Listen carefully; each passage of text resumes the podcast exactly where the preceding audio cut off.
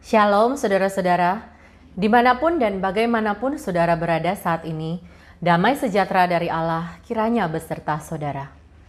Horatio Spafford adalah seorang pengacara dan pebisnis yang sukses di California. Bersama istrinya Anna, mereka diberkati dengan lima orang anak. Namun pada tahun 1871, anaknya laki-laki meninggal dunia karena pneumonia.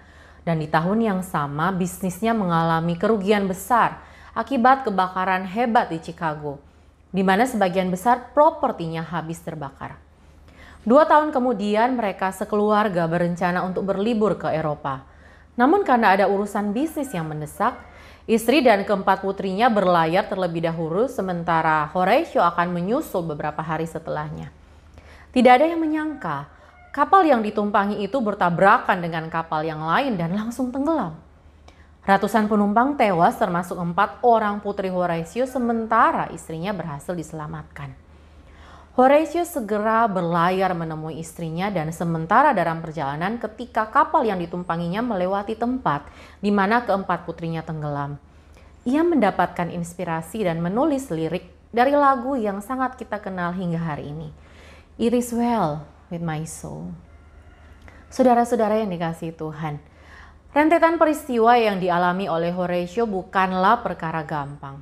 Kehilangan demi kehilangan itu pasti menghancurkan hatinya. Namun lirik yang ia tulis justru bukan berfokus kepada kepedihan dan kedukaan yang ia alami, tetapi bagaimana ia tetap menemukan dan memiliki pengharapan hanya di dalam Tuhan. Dalam Alkitab penulis Mazmur 42 juga mengalami kesulitan hidup ayat 1 sampai 4 kita bisa melihat bagaimana jiwanya gelisah dan tertekan. Seakan-akan Allah sedang absen dari hidupnya sekian lama sehingga ia berseru kapan ia bisa melihat Allah. Namun ia tidak membiarkan jiwanya terus terpuruk.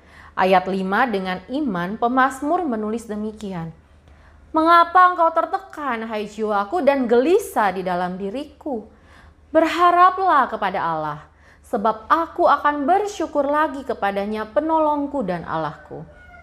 Seakan sedang menegur dirinya sendiri, ia berusaha mengarahkan pikiran dan jiwanya kembali kepada Tuhan dengan kembali mengingat apa yang telah Tuhan lakukan dalam hidupnya dan berharap lagi kepada Allah.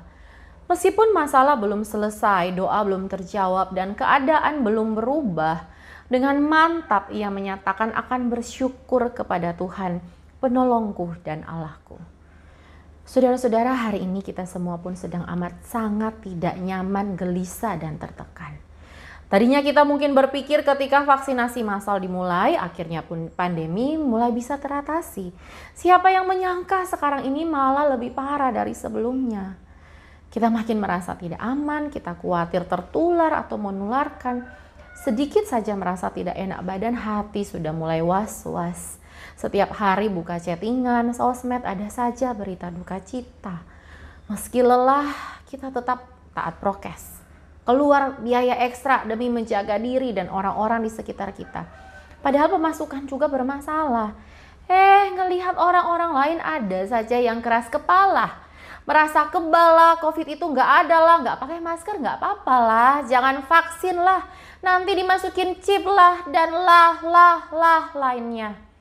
Walau demikian saudara-saudara, bertahanlah dan berharaplah kepada Tuhan. Seperti Horatio dalam kedukaannya ia melihat kepada karya penebusan yang dikerjakan Yesus Kristus secara sempurna dan total. Sehingga jaminan kekal itu membuat ia bisa tetap merasa nyaman di tengah segala ketidaknyamanan.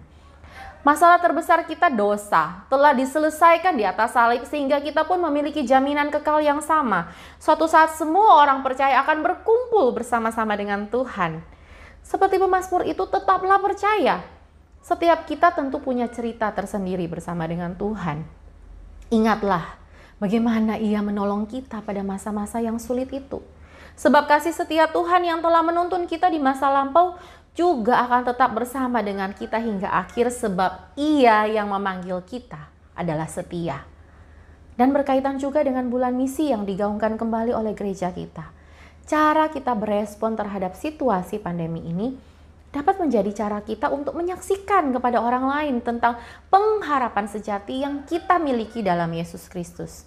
Tidak berarti kita tidak bisa mengeluh, tidak bisa merasa lelah, atau berpura-pura baik-baik saja. Namun, saudara, sekalipun dalam ratapan, biarlah kita tetap dapat menyuarakan kepastian iman kita yang bersumber hanya dari Tuhan.